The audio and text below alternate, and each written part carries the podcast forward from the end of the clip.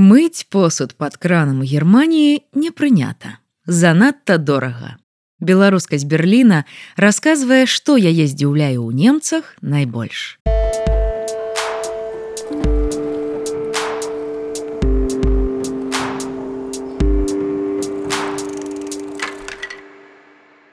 У нашай новай рубрыцы, а ў нас не так, расказваем пра ментальныя, культурныя і побытавыя адрозненні беларусаў і жыхароў тых краін, куды яны пераехалі. Яна жыве ў Геррманіі ўжо сем гадоў. Спачатку дзяўчына год жыла ў нямецкай сям'і па праграме абмену. Потым вучылася ў магістратуры, працавала ў рэкламным агенстве, а зараз вядзе блог пра жыццё ў Берліне і арганізоўвае экскурсіі па горадзе можна сказаць, што Яна пабачыла жыццё немцаў і звонку і знутры. Таму пра адрозненні менталітэтаў ёй сапраўды ёсць што расказаць. Побыт. Перад прыходам гасцей немцы не запарваюцца з прыборкай. У Беларусі перад прыходам гасцей звычайна прынята прыбрацца ў доме і што-небудзь прыгатаваць, каб гэтых гасцей пачаставаць, асабліва калі яны з дарогі. У Геррманіі ўсё па-іншаму. У першы ж дзень, як я прыехала ў сям'ю па праграме абмену дапамагаць з дзецьмі, мне з парога ўсунулі шасцімесячнае дзіця. Маўляў, вось яго ты будзеш даглядаць, знаёмцеся. Потым паказалі, дзе кухня і сказалі, што калі я з дарогі хачу паснедаць, то ў халадзільніку ёсць яйкі і я магу пасмажыць сабе яечню. У доме пры гэтым прыборкі не было відаць. Былі нейкія горы посуду, смецце, пыл, поўсць паўсюль. Гэта значыць, людзі наогул не запарваліся, што да іх едзе новы чалавек і, магчыма, варта было б хаця б трохі прыбрацца, каб зрабіць добрае першае ўражанне. Увечары яны паклікалі мяне вячэраць. Я ўбачыла, што запякаецца нешта ў духоўцы. І толькі было падумала, што нарэшце пад'ем нармальнай гарачай ежы, як аказалася, што там былі проста бутарброды. Наогул па-нямецку вячэра Алденброд, што даслоўна перакладаецца як вечаровы хлеб. Але я не думала, што гэта настолькі літаральна і ўспрымаецца. Вядома, ёсць немцы, якія купляюць толькі экапрадукты і ядуць толькі здаровую ежу. Але ў гэтай сям'і сярэдняга дастатку, дзе я жыла, харчаваліся пераважна недарагімі паўфабрыкатамі. А на вячэру часта елі бутерброды з гарбатай. Яшчэ быў паказальны выпадак, калі я зайшла да знаёмага немца на гарбату і вырашыла памыць пасля сябе кубак. А ён на мяне за гэта накрычаў. А ўсё таму, што ў Геррманіі вельмі дарагая камуналка і мыць посуд пад кранам, калі вада бесперапынна льецца, тут не прынята. Усе купляюць дадому пасудамыйкі. Не таму, што гэта раскоша, а таму, што дапамагае эканоміць. Святы.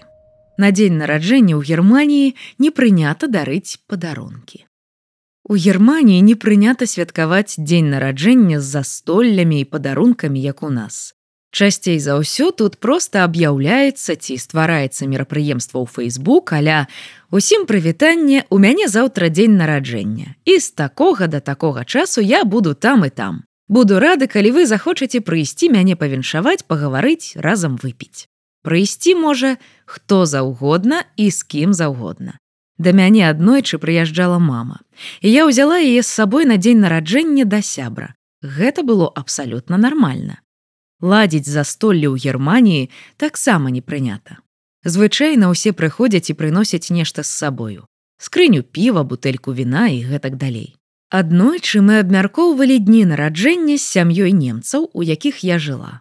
Я сказала, што калі мяне запросіць на свята не найбліжэйшы сябар, а ў мяне, напрыклад, будзе складанае фінансавае становішча і я не змагу купіць падарунак, то я хутчэй за ўсё не пайду. Немцы вельмі здзівіліся, Таму што для іх галоўнае увага. І калі чалавек проста прыйшоў павіншаваць, гэта ўжо класна. І няважна з падарункам ён ці без.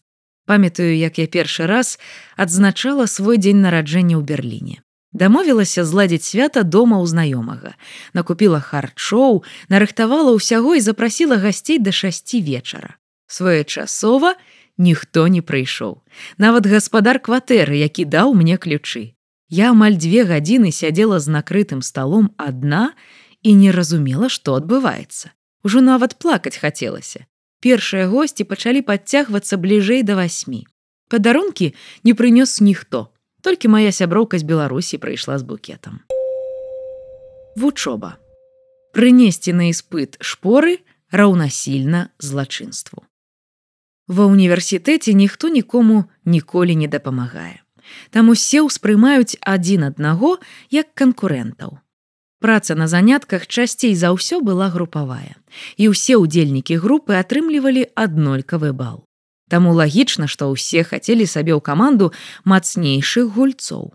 Я і яшчэ адна дзяўчынка з рассіі не былі носьбітамі нямецкай і на фоне астатніх крыху падтармажвалі менавіта з замовы. Таму браць да сябе ў групу нас ніхто не хацеў.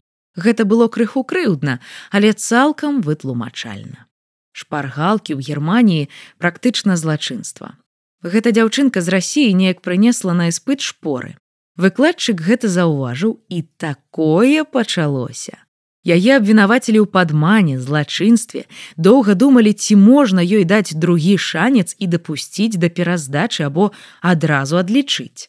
Дзяўчынка пасля гэтага нават да псіхолага хадзіла настолькі яе гэта ўсё ўразіла і падкасіла бюракратыя платную даведку мы атрымалі бясплатна з мужам у нас рознае грамадзянства таму распісацца нам было прасцей у даніі пасля гэтага трэба было падаць заяўку і пацвердзіць пасведчанне ў пашпартным стале ў германії заплаціць трэба было нейкіх сімвалічных 10 еўра але нам гэта паперка дасталася ўвогуле бясплатна Атрымалася так, што дакументы ў нас прымаў вясёлы нямецкі дядзечка, які ўбачыў, што мы прынеслі пасведчанне шлюбу і грошаў не ўзяў, маўляў, віншую вас з вяселлем, купіце сабе марожанага лепш.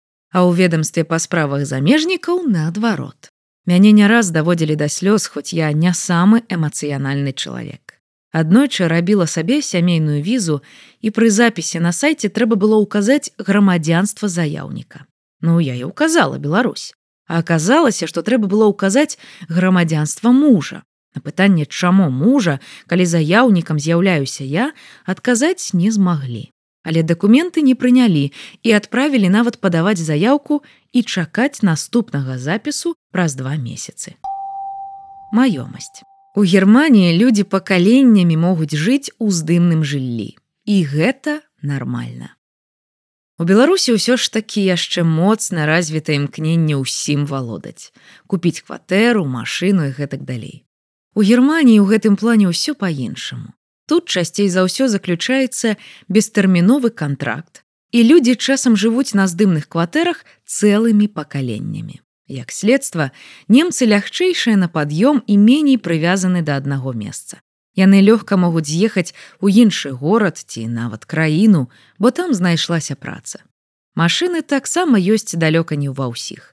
Затое вельмі моцна развіты шэрынг машын, ровараў, самакатаў, скутараў і гэтак далей. Вольны час. Інтэлектуальныя гульні накшталт мазгабойні сярод замежнікаў не прыжываюцца.